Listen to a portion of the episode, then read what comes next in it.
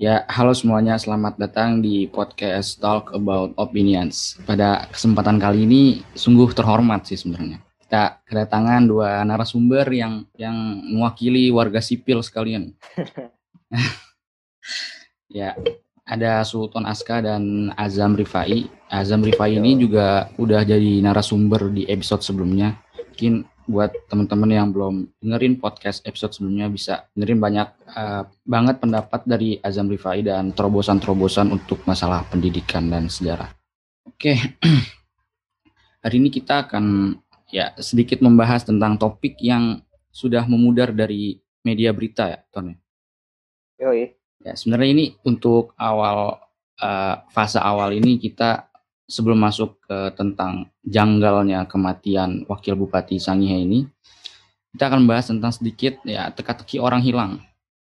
Sebenarnya kita ingin membahas tentang uh, Wiji Tukul, cuman karena uh, keterbatasan artikel yang membahas tentang Wiji Tukul di media sosial, juga kita tidak bisa uh, tidak bisa menetapkan siapa tersangka yang menculik atau membunuh si Wiji Tukul ini karena ya memang kita mendapatkan data dari media sosial atau media berita bukan dari uh, observasi. Jadi ya mungkin yang sudah ada di media itulah yang mungkin sudah diusut oleh polisi dan lembaga-lembaga hukum lainnya. Teka-teki orang hilang ini jadi kemarin itu gue sempet riset di ya Google.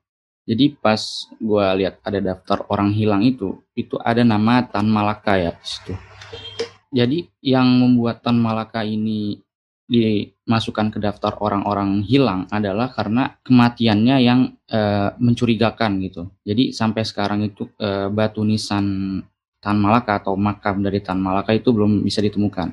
Dan kematiannya juga banyak sekali kontroversi mengenai kapan meninggalnya dia, kapan di mana dia di e, apa meninggalnya, terus kapan kejadiannya yang pasti di Wikipedia itu ditetapkan bahwa dia dieksekusi mati tanggal 21 Februari 1949 oleh seorang militer bernama kalau nggak salah ya Suradi Tekebek gitu nama. Tapi ada juga uh, beberapa uh, ini menurut gua ya. Jadi sebelum Tan Malaka ini apa namanya dieksekusi mati itu dia pernah menerbitkan buku yang nama itu menuju Republik Indonesia. Di buku ini tuh jadi dasar esensial pembentukan apa namanya negara kesatuan Republik Indonesia yang dipakai oleh Soekarno dan Hatta dalam menata ya negara. Nah, tapi mungkin jadi ini ya cuman hipotesis, cuma pendapat, opini dan argumentasi bahwa Tan Malaka ini dieksekusi mati oleh uh, militer tadi, tapi dia ini yang militer ini sebagai alatnya. Jadi ada orang yang mungkin ya bersikeras untuk menghukum atau mengusut soal Tan Malaka ini. Ya jelas itu adalah oknum. Jadi kan uh, di tahun Tan Malaka dieksekusi tahun 1949 itu tanda di mana udah pula, apa udah mulainya perang dingin atau Cold War ya. Cold War itu mulainya sekitar tahun 1947 sampai ya Rusia itu eh sorry Uni Soviet itu runtuh pas di zamannya Gorbachev tahun 1991. Ya kebetulan ini Tan Malaka ini dia tokoh kiri, tokoh kiri dan revolusi ya. Bisa dibilang ya memiliki atau berpaham komunisme dan sosialisme. Jadi Cold War ini itu bukan hanya perang fisik tapi juga perang ideologi antara kapitalisme dan juga ya komunisme. Tapi sayangnya komunisme nggak bertahan lama dan kapitalisme juga jadi raja abadi sampai sekarang deh. Nah jadi menurut gue nih ya, menurut gue itu dalang dibalik ya eksekusi mati Tan Malaka itu adalah ya CIA gitu. Karena ya, di Asia Tenggara itu hampir seluruhnya itu udah berpaham komunis dari mulai Laos, terus ada Vietnam, juga termasuk Indonesia yang waktu itu PKI jadi partai ya terbesar keempat di setelah Uni Soviet dan uh, Republik Rakyat Tiongkok. Ya jadi itu cuman spekulasi aja, jadi nggak bisa dijadiin pijakan yang menentukan bahwa memang benar-benar Tan Malaka itu mati karena ya karena CIA tadi. Karena ini ya cuma cuma apa namanya cuma spekulasi. Karena Tan Malaka ini dalam bukunya tadi itu dia memiliki ya pemikiran yang brilian gitu. Dan juga ya dia seorang komunisme. Jadi waktu itu orang-orang kapitalis ini emang mau menghancurkan ya dalam arti kata orang-orang tidak bertuhan. Karena kan komunisme itu identik dengan kata orang yang tidak apa mengakui adanya Tuhan atau ya dia men yang menyebut bahwa agama adalah candu. Itu sih spekulasi dan sedikit apa sedikit argumentasi dari gue tentang kematian Tan Malaka. Kita akan masuk ke topik pembahasan yang utama kita yaitu adalah tentang janggalnya kematian atau tewasnya wakil Bupati Sangihe. Nah, coba nih uh, Ton, coba misalnya lu coba jelasin gimana nih kronologi awal atau kematian dari kejadian kematian dari wakil Bupati Sangihe ini. Uh, waktu itu tanggal berapa ya? Gue lupa tanggal berapa. Hmm? Waktu itu dengar kabar ada yang namanya uh, eh, PT Tambang Mas Sangihe. Ya, TMS ya. Iya, itu. Dia uh, ngasih surat permohonan izin ke uh, wakil Bupati Sangihe, hmm. almarhum Helmut Hontong. Dan kemudian uh, tiba-tiba wakil bupati Sangihe dikabarkan meninggal saat perjalanan pulang dari Bali menuju Manado via Makassar dengan menumpang pesawat Lion Air JT 740. Berarti itu dia Kalo, meninggalnya pas lagi transit ya? Transit iya, di Makassar. lagi transit di Makassar. Nah, habis itu kalau untuk kronologinya ya, untuk kronologinya itu uh, tiba-tiba almarhum Helmut nih pusing gitu, pusing. Nah, COVID. Nah, itu nggak tahu tuh kenapa. Tapi kan di situ keterangannya negatif ya, kok apa? Iya negatif nah, keterangannya. negatif ya. Habis itu uh, Harmen Reva Kontu sebagai ajudannya itu dia pertama ngasih minyak kayu putih, suruh gosok-gosok, saya masih apa? Masih masih pusing. Habis itu setelah itu sekitar lima menit uh, tiba-tiba keluar darah dari hidung sama mulut, hidung sama mulut. Dan udah itu udah sadar tuh udah udah nyalahi udah wassalam tiba-tiba. Nah, setelah masuk ke otopsi yang dilakukan sama tim forensik, mereka nggak nemuin yang namanya racun di tubuh Helmut. Enggak, itu tim forensik yang ngelakuin otopsi bukan polisi kan. Tapi pas bukan, gua bukan. baca tim ada di apa ya dari dari situs Wikipedia itu dia keluarganya tuh menolak buat di otopsi. Oh, gitu. Keluarga dari almarhum Helmut Hontong ini. Beliau eh, keluarga beliau tuh menolak otopsi dan langsung di ya dimasukin ke peti. Jadi pas meninggal ya langsung dimasukin ke peti. Aju, apa ajudannya juga nolak otopsi sebenarnya. Tapi ya ini kayaknya medianya bertentangan ya. Oleh misalkan sekitar berapa media ya? Tiga atau lima yang disebutin sih itu um, berdasarkan hasil otopsi yang dilakukan tim forensik iya. Polda Sudut eh Polda Polda Sulut sorry uh, mereka bilang kalau mereka nggak nemuin racun di tubuhnya. Nah ini gue baru dengar kalau misalkan ada dari Wikipedia yang Iji lihat katanya kalau dari ajudannya sendiri sama dari keluarga sendiri menolak buat di otopsi. Nah, nah tapi ini ada lagi nih. Kan kalau misalkan dari pernyataan tim forensik bilangnya mereka nggak nemu racun di tubuh Helmut kan. Hmm. Nah, kalau uh, mereka bilang ini tuh meninggalnya diduga memiliki riwayat penyakit jantung dan darah tinggi. Makanya ya, uh, keluar nah. darah sama uh, keluar darah dari hidung dan mulut gitu. Yeah, yeah. Nah setelah beberapa gue cari di website uh, ngelihat ini uh, penyakit darah penyakit darah tinggi sama jantung tuh ada nggak sih yang bakal nimbulin yang namanya keluar darah dari mulut sama hidung. Nah kalau untuk darah darah tinggi sendiri itu bisa ngeluarin dari hidung, tapi itu namanya ini kan apa sih namanya? Apa? Mimisan. Oh, mimisan, mimisan. Yeah. Sedangkan ini tiba-tiba nggak sadar terus keluar dari hidung. Sedangkan yeah. kalau misalnya orang mimisan kan dia keluar apa keluar darah dari hidung tuh kan gara-gara kecapean. Mm-hmm. bener-bener dan sadarkan diri dong. Nah ini mm-hmm. Helmut nggak sadarkan diri terus tiba-tiba keluar darah dari mulut sama hidung. Sedangkan keterangan dari keluarganya ini ini langsung dari keterangan keluarganya loh. Berdasarkan hasil autopsi dari tim forensik dan dan keluarganya bilang sendiri kalau misalkan uh, Helmut ini punya penyakit riwayat darah tinggi sama jantung. Tapi sampai sekarang gue belum nemu yang namanya uh, artikel yang menyebutkan bahwa riwayat penyakit jantung itu bisa menyebabkan uh, keluarnya darah dari mulut dan hidung, gitu. Jadi keluarganya nih bilang kalau ya beliau ini nggak punya komplikasi penyakit sama penyakit jantung ya. Hmm. Apa pun ya gitu. Punya, Ya. punya. punya punya Itu keluarga sendiri yang bilang. tapi kok ya bentar ya coba tapi ini di Wikipedia ya Ya. di Wikipedia nih menurut keponakannya beliau ini ya ya namanya Engel Hontong keponakannya dari Pak Helmut Hontong ini ya beliau ini tidak memiliki riwayat penyakit atau komplikasi apa pun Iya. Di Itu dari Wikipedia. keponakannya. iya langsung dari pernyataan keponakannya. Keponakannya ya. Siapa namanya? Tapi dari dari Ah. yang gua baca hasil otopsi gara-gara komplikasi. Ah, dari iya, gue otopsi. juga komplikasi. Itu komplikasi tuh Jadi- apa dah? Penyakit apa? Komplik komplikasi berarti kayak Ya. penyakitnya lebih dari satu gitu. Jadi campur lebih iya, dengan banyak. betul, penyakitnya. Misalnya kayak darah Iya. tinggi, terus ada apalagi asam urat gitu. Jadi campur-campur. Gitu. Berarti ya itu keterangan media yang bertolak belak- belakang kan dengan kita sebenarnya nggak tahu nih Iya. kenyataannya yang mana gitu. Karena kan Iya, emang betul betul. kita risetnya itu kan dari ya internet gitu. Kalau nggak dari Betul internet, betul. karena kan ya kita nggak bisa langsung observasi dong. Karena kan emang ya kejadiannya kan nggak di- nggak diduga-duga ya, maksudnya kan. Hmm. Dan juga ruang tertutup kayaknya kematian ruang tertutup gitu. Tapi ini yang apa ya? Dari setiap berita yang ada di TV, setiap berita yang ada di muncul di media, entah Instagram ataupun TikTok, itu mereka berita ya, berita media, bukan apa Hmm. akun personal TikTok ataupun Hmm. IG. Itu mereka nutupin, bukan nutupin sih biasanya. Kayaknya udah ngangkat, udah nggak ngangkat lagi, udah ngangkat berita kematian ini. Soalnya ya itu kemarin tiga hari yang lalu, tepatnya tanggal tanggal 30, tanggal 30 Juni. Hmm.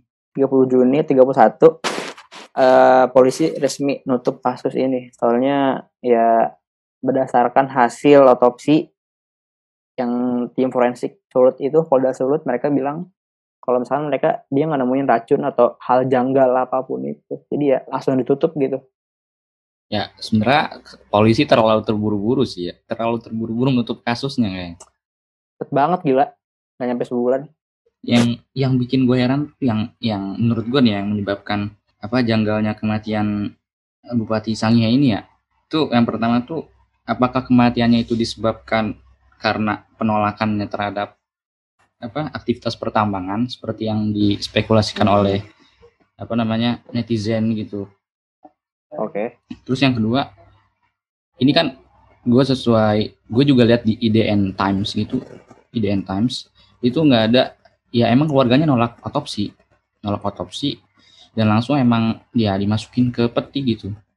Jadi gue coba compare nih IDN Times, IDN Times sama Wikipedia nih. Ternyata sama beritanya, cuman gue belum sempet komparasi atau dibandingin lagi sama media-media yang lain gitu. Karena kan media ini kan ya swasta kan, IDN Times kayak misalnya Tempo bukan punya pemerintah kan. Jadi kan swasta kan. Maksudnya gitu. Terus Oke. yang kedua tuh ya kenapa polisi bisa memutuskan ter- apa terlalu terburu-buru apa memutuskan bahwa kematian wakil bupati ini karena serangan jantung dan komplikasi penyakit. Jadi kan awalnya pas sebelum bilang nggak ada racun nih, polisi bilang bahwa oh ini pasti serangan jantung dan ya komplikasi penyakit. Ya padahal tadi ya ponakannya juga bilang kalau ya beliau ini nggak punya riwayat penyakit atau ya komplikasi penyakit apa pun. Jadi kan bertentangan dong, ya nggak? Iya betul betul. Nah, terus juga yang gue tahu dari Wikipedia ini dan IDN Times ini ya keluarga korban itu emang menolak otopsi, menolak otopsi jasad dari beliau ini dan langsung di ya dikirim ke Manado untuk dimasukin ke peti gitu. Terus yang ketiga Hmm. ya ini yang paling aneh, kenapa polisi tidak menjelaskan secara spesifik ke media massa atau melakukan rekonstruksi ulang? Artinya kan kalau emang ini kan kasusnya kompleks ya. Yang pertama Iya. polisi nggak ada di kejadian itu.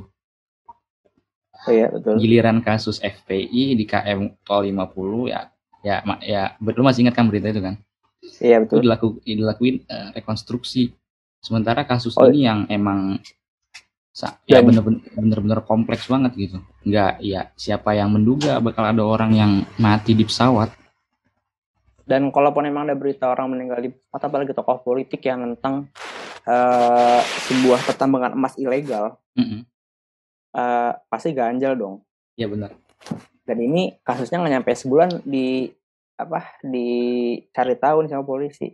Sedangkan sedangkan yang namanya kasus FPI Hmm. yang katanya nembak polisi itu yang lima orang itu teroris katanya mereka mah itu kayaknya sampai sebulan lebih kayaknya deh diangkat berita buat nutup berita yang penting lainnya.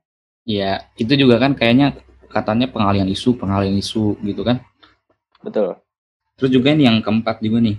Kita kan punya badan intelijen negara ya. Kenapa BIN ini tidak melakukan aksi gitu? Padahal kan ini kan harusnya kan apa namanya pekerjaan mereka kan intel ini kan jelas ya menurut gue ini pembunuhan gitu bukan karena bukan karena tiba-tiba dia mungkin kalau misalnya punya komplikasi penyakit apa pun dan emang kalau dia ditetapin meninggalnya hari itu juga ya keluar dari konteks itu ya aku masih percaya nih pembunuhan gitu cuman ya susah aja karena kan yang pertama ya tadi polisi nggak tahu gambaran apa, apa namanya gambaran spesifiknya gimana tapi nggak mau lakuin rekonstruksi tadi gitu. jadi susah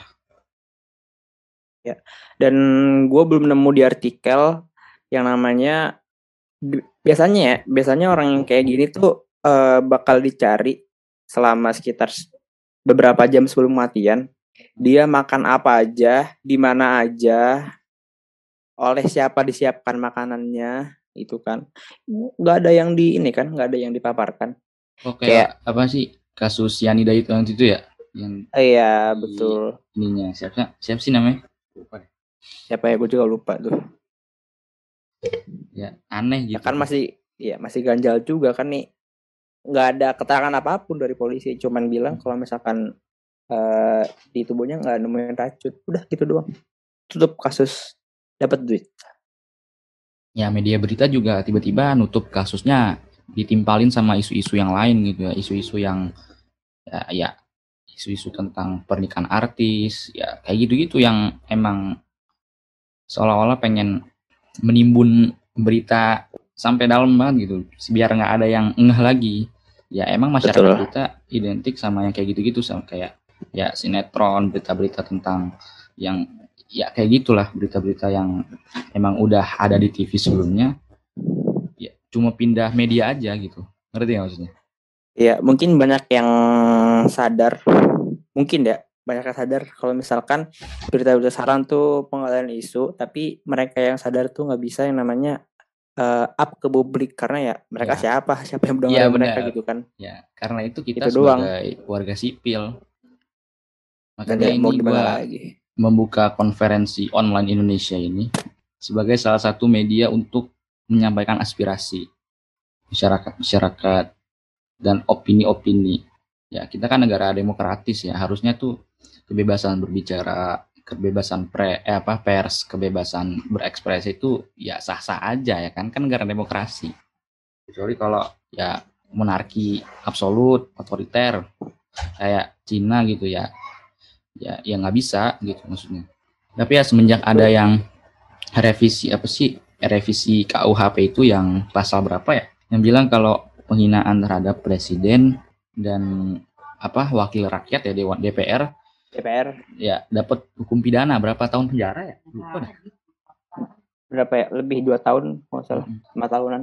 Jadi kan aneh gitu aneh Iya. banget. Negara demokrasi tapi- orang yang korupsi orang yang mencuci uang dapat diskon. Dapat diskon 4 tahun. Nggak ngerti lagi. Di courting nggak? Diskon lah.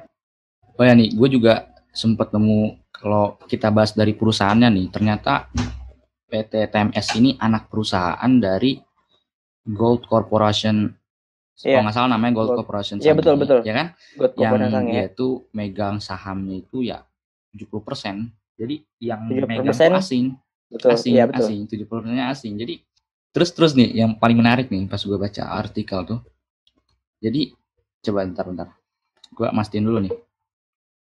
iya betul 70 persennya eh, buat itu PT apa sih itu namanya Gold Corporation itu 30 persennya buat Indonesia Iya. nah 30 persen lainnya masih dibagi-bagi ke beberapa Ya, perusahaan yang PT Belaya apa Sungai Bela, Belayan Sungai terus pokoknya semuanya tuh ya perusahaan-perusahaan tambang ya kan perusahaan-perusahaan Iya, betul. yang emang bergerak di industri tambang terus juga nih yang menarik nih ternyata si Golden Corporation Sanghi ini udah dapat izin ya terutama PT TMS ini ya udah dapat izin eksplorasi itu dari tahun 1987 dengan menggunakan kontak karya yang merupakan produk Orde Baru Soeharto. Lah berarti udah lama dong. Iya lama makanya.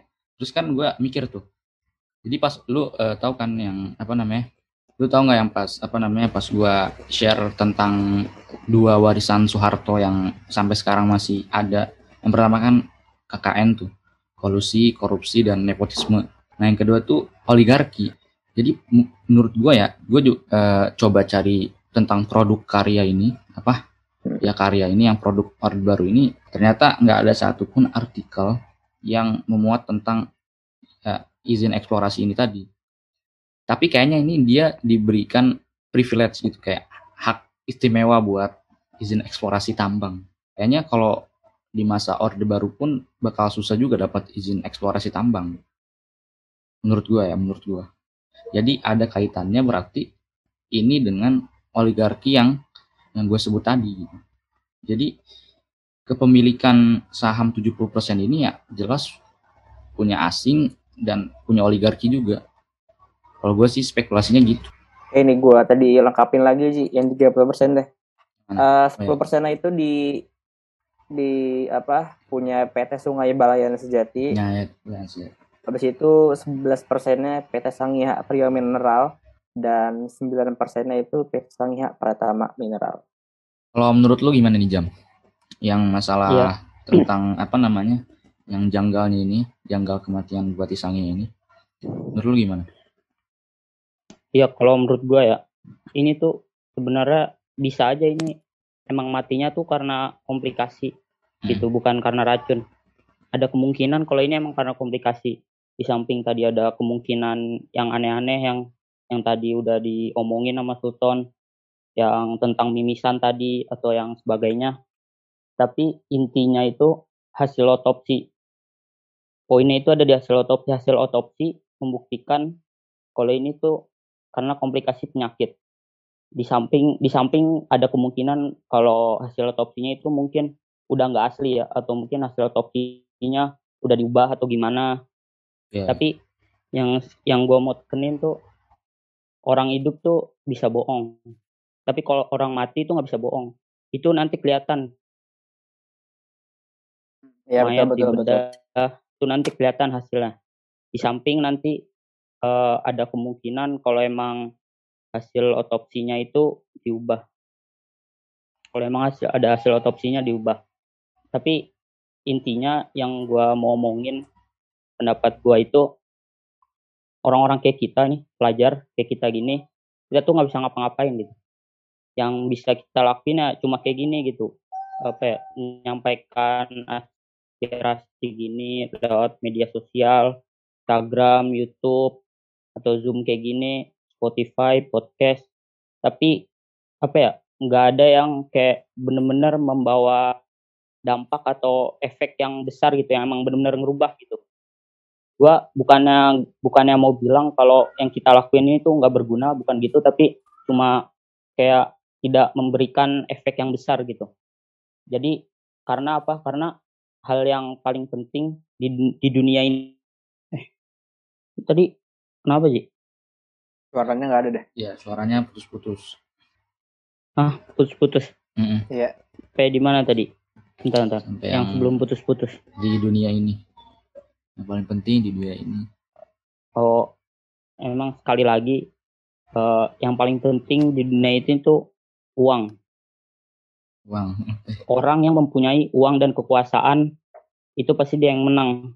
Orang-orang kayak kita gini meskipun banyak yang dukung kita, banyak yang sepemikiran, tapi kalau lawan kita itu orang yang punya uang, kekuasaan, orang yang punya koneksi, meskipun itu orang luar sekalipun orang swasta, tetap aja kita kalah gitu. Jadi maksud gua ya, kalau untuk menghadapi keadaan kayak gini tuh kita belajar gitu, belajar dari keadaan kayak gini. Kita belajar nanti besar ya sama ngebentuk koneksi, ngebentuk kekuasaan agar kalau lawan orang lawan orang-orang kayak gini tuh kita sanggup bisa gitu nggak cuma kalau di Indonesia nih realitas sekarang kan di Indonesia sekarang yang ngomong di media sosial gini kan ataupun di TV kayak Mata Najwa acara-acara Mata Najwa atau Mardigu gitu atau Shirley kan banyak ya. Tapi itu apa ya hanya sebatas itu aja gitu hanya sebatas memberi memberi pemahaman kepada masyarakat kalau gini itu salah. Tapi efeknya yang gua maksud tuh apakah pemerintahnya berubah gitu? Apakah keputusan yang di pemerintah di, diubah gitu? Apakah dengan kalau kayak kita kayak gini tuh nanti kayak misalkan pihak polisinya ngebuka kembali kasusnya terus dilakukan otopsi ulang gitu kan? Nggak mungkin kan Ya, nggak mungkin betul. kayak gitu kan Hmm. karena emang yang kita lawan sekali lagi orang-orang yang punya uang dan ke- kekuasaan gitu. Jadi kalau menurut gue ya kita nggak bisa gitu lawan orang-orang yang punya uang dan kekuasaan gitu. Karena emang meskipun kayak orang yang punya uang itu udah pasti adil gitu. Adil bagi dia segalanya bagi dia itu adil. Ke orang yang punya uang orang punya kekuasaan gitu. Ya, betul, bahkan zaman sekarang ya zaman sekarang hukum tuh bisa dibeli dengan uang gitu. Hukum bisa Hmm. dibeli dengan uang. Hukum keadilan bisa dibeli dengan uang. Gitu. karena emang yang paling penting dunia itu adalah uang gitu. yang gua mau tuh di sini tuh apa ya memberi memberi kesadaran gitu lewat media-media seperti ini gitu. Tentang realita kehidupan sekarang gitu. Yang paling penting tuh uang gitu. Dan apa ya caranya gitu bukan kayak dengan menabung gitu atau apalah kan kan dari dulu kan dari kecil sering diingetin kan kalau kayak menabung tuh biar jadi kaya gitu. Sebenarnya nggak harus dengan menabung juga gitu banyak caranya lewat kemampuan lewat koneksi gitu. Ya jadi menurut gua gitu sih Ji. Iya kalau menurut gua tuh kita nggak bisa ngapa-ngapain. Karena Betul. kita emang yang kita kita gini tuh cuma sebatas pelajar doang gitu. Kita nggak bisa ngapa-ngapain. Kita nggak punya kekuasaan untuk melawan orang yang punya uang orang kekuasaan gitu. Nggak mungkin. Ini kalau menurut gua ya bagi gue ini sebagai pembelajaran aja sih sebenarnya biar nanti Hmm. depannya gua tujuannya udah jelas. Gue nanti besar mau jadi ini. Gue nanti mau ngebangun ini. Ngebangun, ngebangun koneksi di sini ngebangun koneksi di, di sini gitu. Makanya itu semua apa ya perlu juga dibentuk dari sekarang gitu. Kayak pentingnya banyak teman gitu. Berteman kayak kita gini kan pesantren. Punya banyak teman dari berbagai daerah gitu. Ya nanti besarnya si- siapa tahu nanti dia jadi ini dia jadi ini gitu. Ya, usahain akrab lah dengan teman gitu biar nanti gedenya kita juga punya banyak koneksi gitu. Tapi mereka kan berteman juga dengan orang yang baik kan ya. Sebenarnya nggak iya. nggak harus juga kayak nggak harus juga dengan orang yang baik gitu. Bisa aja kayak kita tahu nih orang ini jahat emang nggak jahat juga sih kayak kurang baik lah. Kurang baik perilakunya. Kita nggak apa-apa main sama dia gitu. Tapi intinya poinnya itu kita jangan ngikutin dia gitu. Kita hanya sebatas main ngobrol gitu kita nggak apa-apa temenan sama orang yang emang sifatnya kurang baik itu dilihatnya kurang baik tapi nggak apa-apa kita tetap temenan ngobrol. Terus nanti dia besarnya entah itu dia jadi orang baik atau misalkan jadi apalah gangster apalah intinya kan kita punya koneksi gitu kan. Ya betul. itu sih intinya menurut gua. Pen- di dunia itu zaman sekarang kayak gini harus melek gitu lah istilahnya. Yang gua mau sampein itu generasi muda sekarang gitu yang kayak kita gini pesantren gak cuma harus belajar belajar agama aja agama aja. Tapi harus melek dengan keadaan sekarang gitu. Itu sih kalau menurut gua. Dengan keadaan sekarang. Keadaan di mana orang yang punya uang yang punya kekuasaan lah yang menang gitu. Contohnya saat ini kan kejadian sekarang ini. Banyak juga sih kan kejadian yang udah jadi contohnya. Bukan sekarang doang. Yang membuktikan kalau uang tuh orang yang punya uang orang yang punya kekuasaan yang menang Ya, betul, Kayak betul. gitu sih, intinya Ya, menurut gua. Ya, apa pun masalahnya ya uang solusinya. iya Benar. benar. Oke. Iya. Nih ada terakhir nih buat dari gua. Yang paling gua apa ya? eh dapat banget nih dari wawancara BBC kemarin antara CEO The Gold of Sangihe ini dia bilang gini ke ininya pemerintah pusat tuh gak akan peduli sama hal sepele kayak gini. Hmm. itu sih kutipannya yang paling kena. Iya jelas. Kayak kemarin demo aja. Demo omnibus law gitu. Apa ya dampaknya dari orang-orang turun ke jalanan aja dampaknya bagi pemerintah gitu nggak terlalu besar. Pemerintah kan tetap aja gitu ngesahin UU omnibus law. Iya jadi ya kayak gitu tadi yang udah gue bilang intinya gitu. Oke. meskipun kita turun jalan meskipun kita turun ke jalan gitu demo kayak omnibus law kemarin. Tapi kayak tidak memberikan efek atau dampak yang besar gitu. Karena kayak karena emang kita ngelawannya itu orang-orang yang punya kekuasaan gitu orang yang kekuasaan orang punya uang. Intinya gitu. Iya betul. Oposisi aja Ada ya nggak bisa berbuat banyak kan. Karena ya posisi kita juga nggak terlalu nggak terlalu banyak persentasenya udah berkurang. Kemarin gue sempet research juga nih. Gue nyari tapi nggak ketemu nih siapa direktur dari PT apa tambang masangnya ini. Tadi dari wawancara BBC lu tahu tuh nama ininya siapa? Nama CEO-nya tadi siapa? Sama CEO-nya. Mm-mm. Eh nih, nih nih nih. Mana ya tadi? Namanya itu Terry Filbert. CEO dari presiden baru Gold Corporation.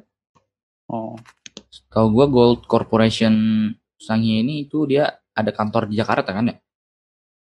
Eh kalau itu gue kurang tahu. Setahu gue gitu sih katanya pas kemarin gue baca artikel ada apa di eh, di apa kantor ini berpus, apa berpusat di Jakarta. Tapi menurut gue CEO-nya ini bukan bener-bener orang yang apa namanya orang yang jadi masih ada orang lagi di balik layar. Ini versi konspirasinya. Ada lagi orang di balik layar yang yang mengendalikan semua ya tadi aset-aset tadi anak perusahaannya perusahaan induknya.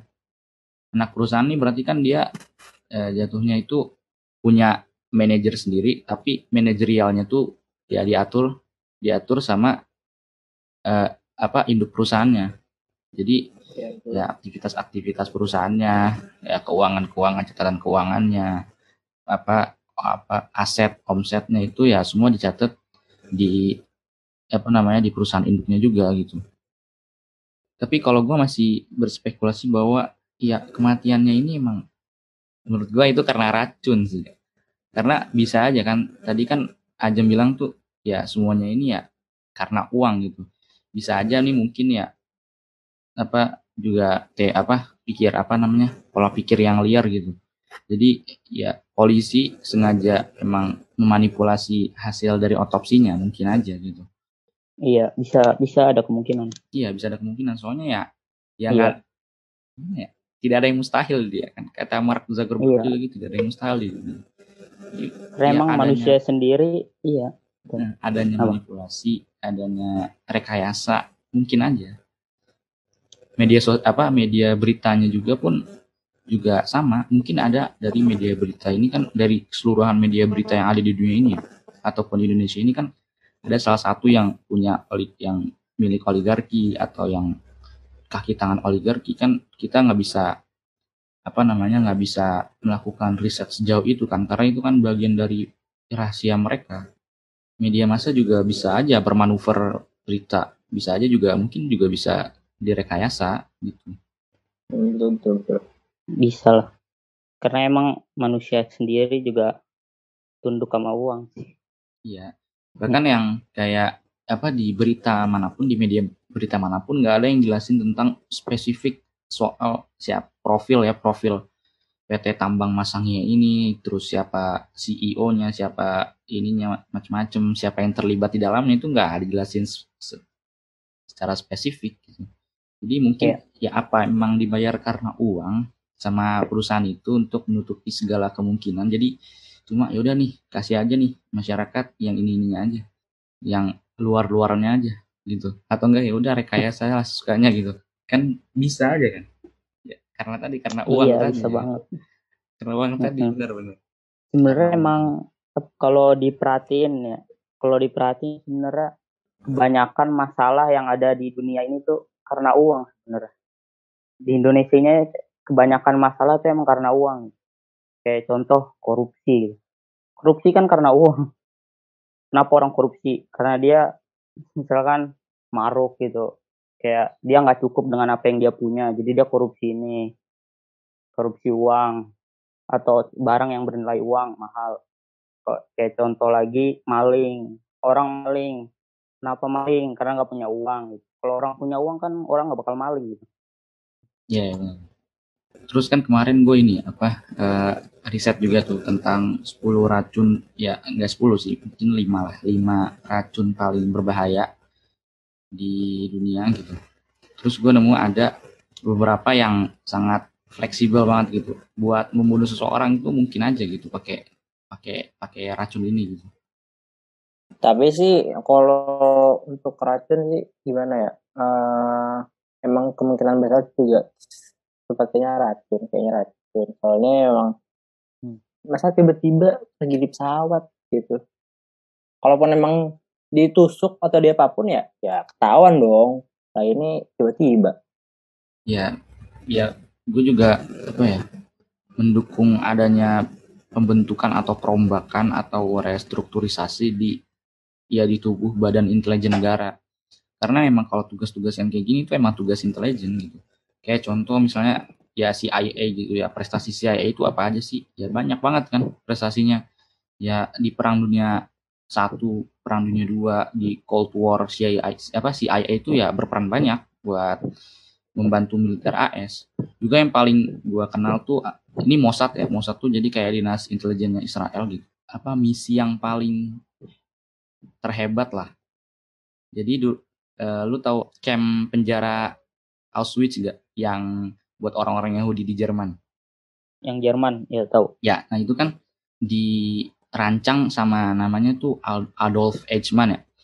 Nah jadi si Adolf Eichmann ini pas selesai perang dunia kedua tuh dia lari ke Amerika Selatan kalau nggak salah ya. Kalau nggak salah Amerika Selatan. Terus akhirnya ya di tahun berapa dia berhasil nangkap si Adolf ini secara rahasia dan baru di apa dibeberkan ke media tuh udah bertahun-tahun setelah penangkapan tersebut. Ya akhirnya dia juga dihukum mati si Adolf Eichmann ini jadi menurut gue penting adanya polisi rahasia adanya intelijen tuh penting banget gitu.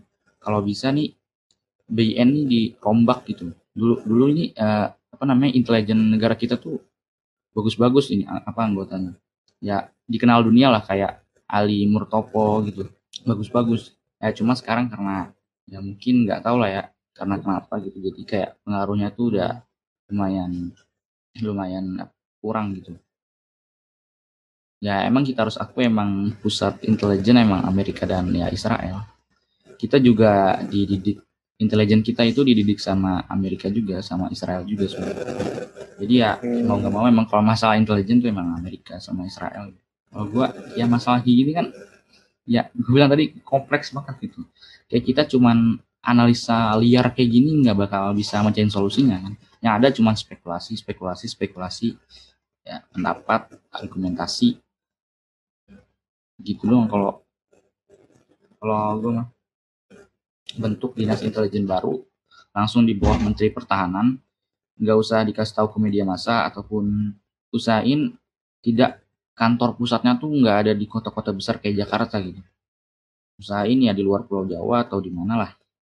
Yang penting ya rahasia gitu rahasia dan diketahui sedikit orang gitu cuman petinggi petingginya aja gitu jadi kalau ada masalah dalam negeri atau ada teror-teror dari teroris atau apa pun ya ya udah mainin aja itunya intelijennya lebih lebih enak gitu kayak intelijen daripada kayak gini kan susah kita mau nyalain siapa kayak gini Tapi eh, kalau intelijennya sama aja gimana? Enggak kan tadi lu bilang kan kayak intelijennya mungkin perlu dirombakkan ya. Karena emang dari anggotanya sendiri yang kurang kan tadi lu bilang gitu. Tapi eh, ada kemungkinan emang kalau intelijennya sendiri Indonesia udah bagus gitu. Tapi mereka nutup mata. Karena emang pimpinannya mungkin ya tunduk sama uang. ya bisa jadi kan karena uang terus berputar setiap hari uang itu berputar ya semuanya sih sebenarnya ya masalahnya cuma uang aja sih kalau dari masalah umumnya ya masalah umumnya. Ini balik ke masalah racun tadi ini gua udah nemu lima racun yang kemungkinan bisa jadi ya, racun pembunuhan itu. Ya walaupun tadi udah ditentuin hasil otopsinya nih misalnya contoh nggak ada racun ya ya mungkin yang kayak gue bilang tadi mungkin ya manipulasi rekayasa ataupun ya udah ada perjanjian antara pihak polisi dan pihak perusahaan gitu. Mungkin aja kan. Dari lima racun ini yang paling fleksibel paling efisien paling efektif itu ya nggak salah lagi. Ya sianida gitu potasium sianida. Karena kan dari fisiknya aja nih fisiknya tuh dia udah kayak gula. Terus kalau kita masukin apa namanya ke apa ke dalam larutan air tuh dia bakal larut sama air gitu. Dan ya gak nutup kemungkinan juga kalau ditaruh di dosis yang banyak. Jadi mungkin sekali tapi yang gak relevan dari cyanida ini gejalanya itu bukan muntah darah sama keluar darah dari hidung itu nggak gitu jadi kalau misalkan orang yang minum cyanida atau dia apa mengonsumsi racun cyanida ini dengan dosis yang besar ya kemungkinan dalam hitungan menit dia udah langsung mati harusnya. Tapi kan kalau kronologi yang kita lihat itu kan uh, beliau ini kan jangka waktu antara koma atau yang tadi apa ya kayak keluar apa darah dari hidung sama mulut sama kematiannya kan cukup lama ya durasinya. Jadi kemungkinan bukan dari sianida. Terus juga gue nyocokin sama risin. Jadi risin tuh kayak racun yang dari biji jarak gitu, biji jarak. Tapi biji jarak ini tuh sangat langka dan jarang ditemukan di Indonesia gitu. Iya. Tapi tapi nih, tapi gejalanya itu mirip sama yang dialami sama Bupati Sangihe eh, apa? Sorry, wakil Bupati Sangihe ini. Ya tadi muntah, terus apa? mual, kesulitan bernafas. Jadi cocok tapi enggak ya mungkin semuanya bisa atau mungkin dari kayak stretching gitu. Stretching ini kayak racun alami dari alam yang didapat dari biji pohon pohon racun. Jadi ya udah kan mumpung ada apa ya stok banyak gitu, mungkin aja dipakai buat pembunuhan gitu. Iya. Jadi itu juga spekulasi kematian dengan racun ini juga sulit sih karena ya hasil otopsi tadi kan bilang nggak ada racun di tubuhnya jadi kemungkinan besar susah buat nentuin kalau emang mati karena racun atau emang udah takdir gitu. Cuman gue pengen tahu aja gitu, kalau misalkan si wakil yeah. bupati Sangi ini itu nggak nolak tambang emas gitu, itu mati nggak ya maksudnya? Ngerti nggak maksudnya? Iya, iya. Jadi kalau kan ini kan dia nolak kan ya, nolak.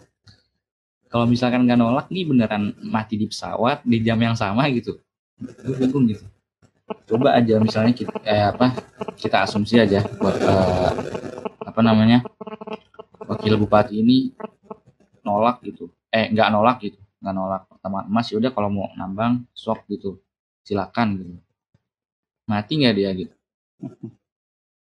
tapi kan kita ya ya kan ya itu kan masalah waktu jadi kita ya, cuma bisa bisa apa namanya bisa apa? ya berargumentasi dengan ya dengan data-data yang ada gitu. Jadi susah kalau misalkan kita mau observasi, observasi di mana? Karena kan tempat kejadiannya yeah. juga di pesawat. Iya susah. Paling yang bisa ya cuma salah satunya juga ya penegak hukum terusnya. Karena emang status kita juga sih yang masih pelajar. Kayak coba aja kalau kita dikasih kayak sedikit kekuasaan gitu kayak misalkan contoh kita jadi jaksa gitu jadi jaksa kita punya kita pasti punya wewenang gitu buat kayak menyelidiki lebih lanjut gitu kayak misalkan otopsi ulang gitu tanpa pengetahuan pihak ini gitu. Bisa aja sebenarnya. Kalau emang kita punya kalau kita emang jadi jaksa terus kita punya koneksi gitu. Oke sekarang kan kita juga tergantung dari berita aja dari internet.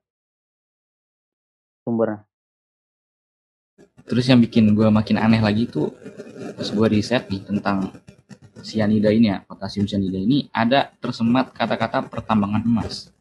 Jadi gue mikir kayak kayak ada ada apa ya kayak ada teka-teki gitu di balik kematian wakil bupati ini.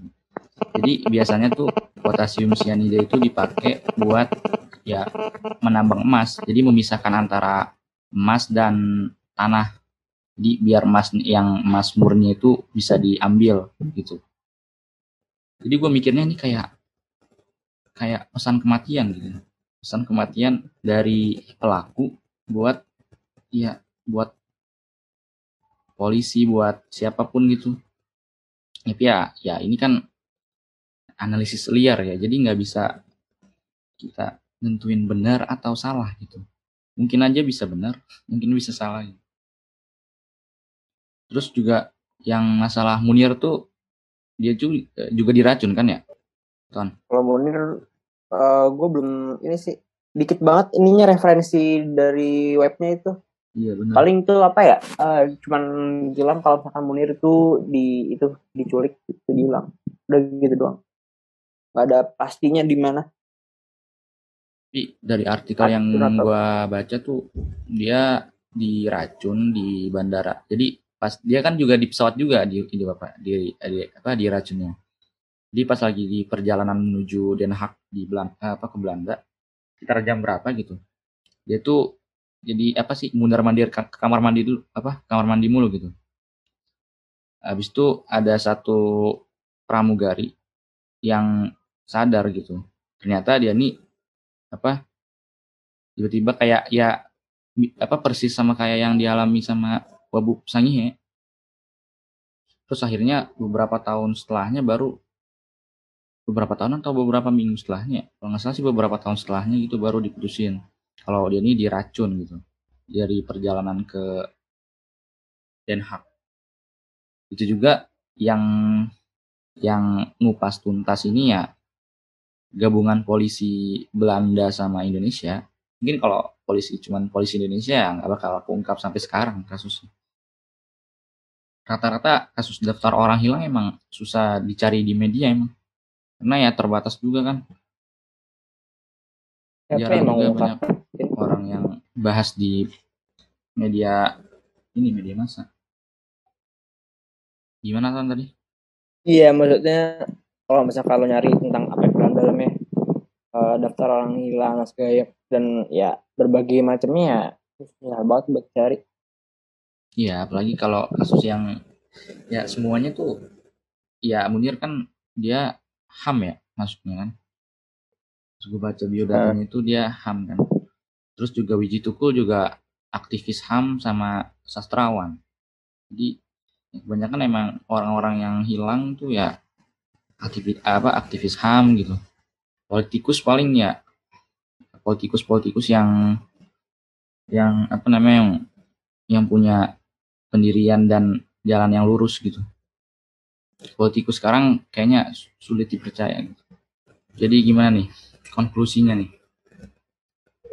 Untuk konklusinya, uh, mungkin tadi si Azam udah semuanya kali itu yang tadi sebelum zoom tadi itu. Ya, gue sih jujur kalau ngomongin masalah tentang yang wabubsanya ini ya emang agak susah ya karena pertama data terbatas, terus juga pengetahuan juga terbatas juga.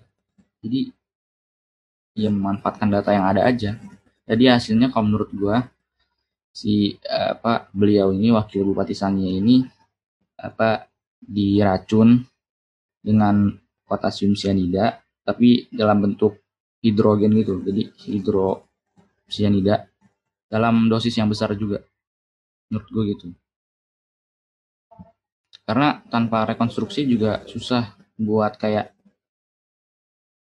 analisis. Sebenarnya dia ini lagi ngapain sih? Apalagi makan. Kan cuman tiba-tiba butuh pertolongan medis doang kan. Terus ada dokter yang datang apa dikasih apa namanya uh, apa sih namanya oksigen portable atau apa yang buat kalau buat orang asma gitu. Oh inhaler. yang nanti ada di hidung. Ya, hidungnya gini. Iya yang biasa dari pesawat ada atasnya gitu gini iya. Apa namanya? Pokoknya itu lah lupa gitu.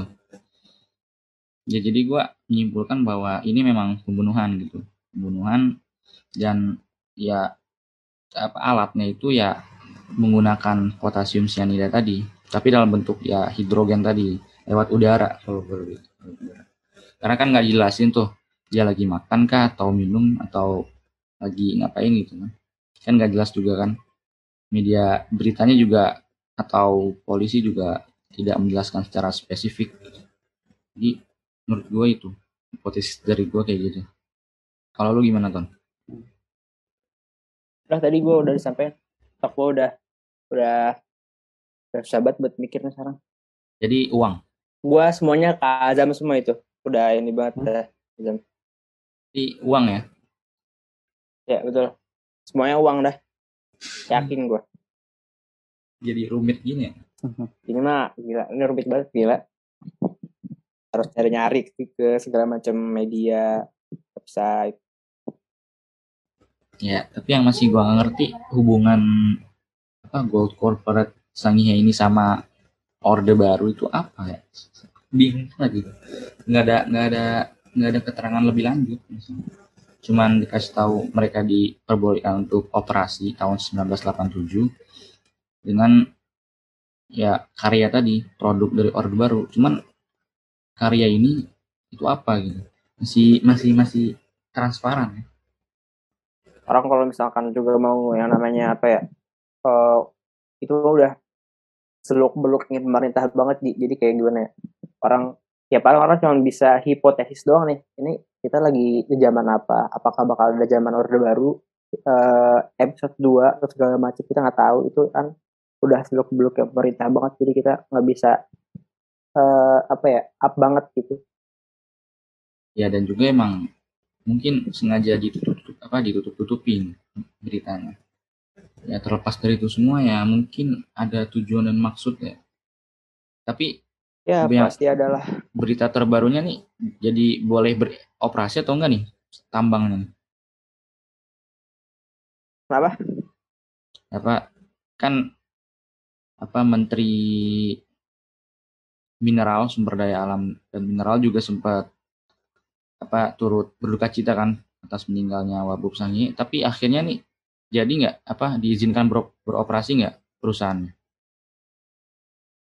Kalau yang gue dapet sih kok ini ya mereka legalnya.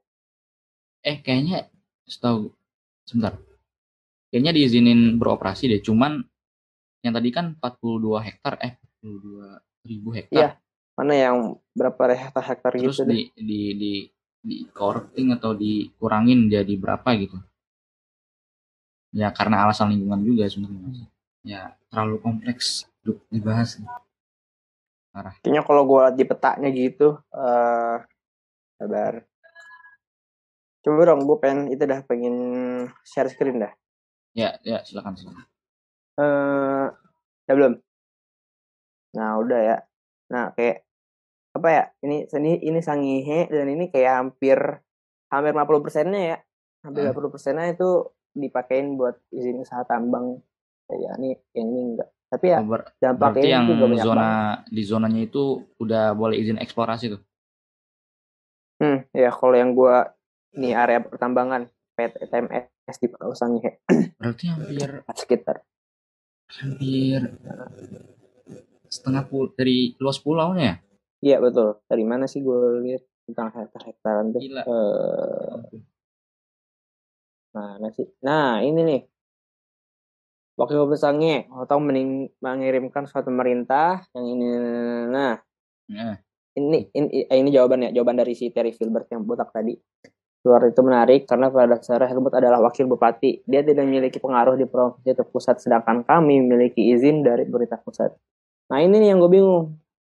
Saya sedang baca surat itu dan itu bagus, tapi dia berkata saya atau saya Helmut mendukung penambang ilegal.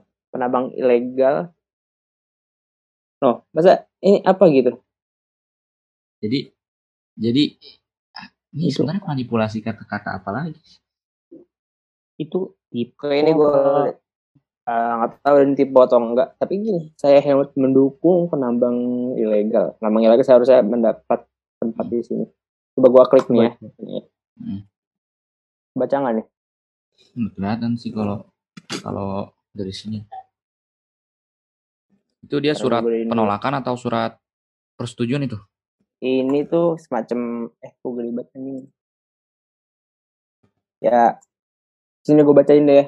Uh. Surat penolakan PT TMS ini surat penolakan.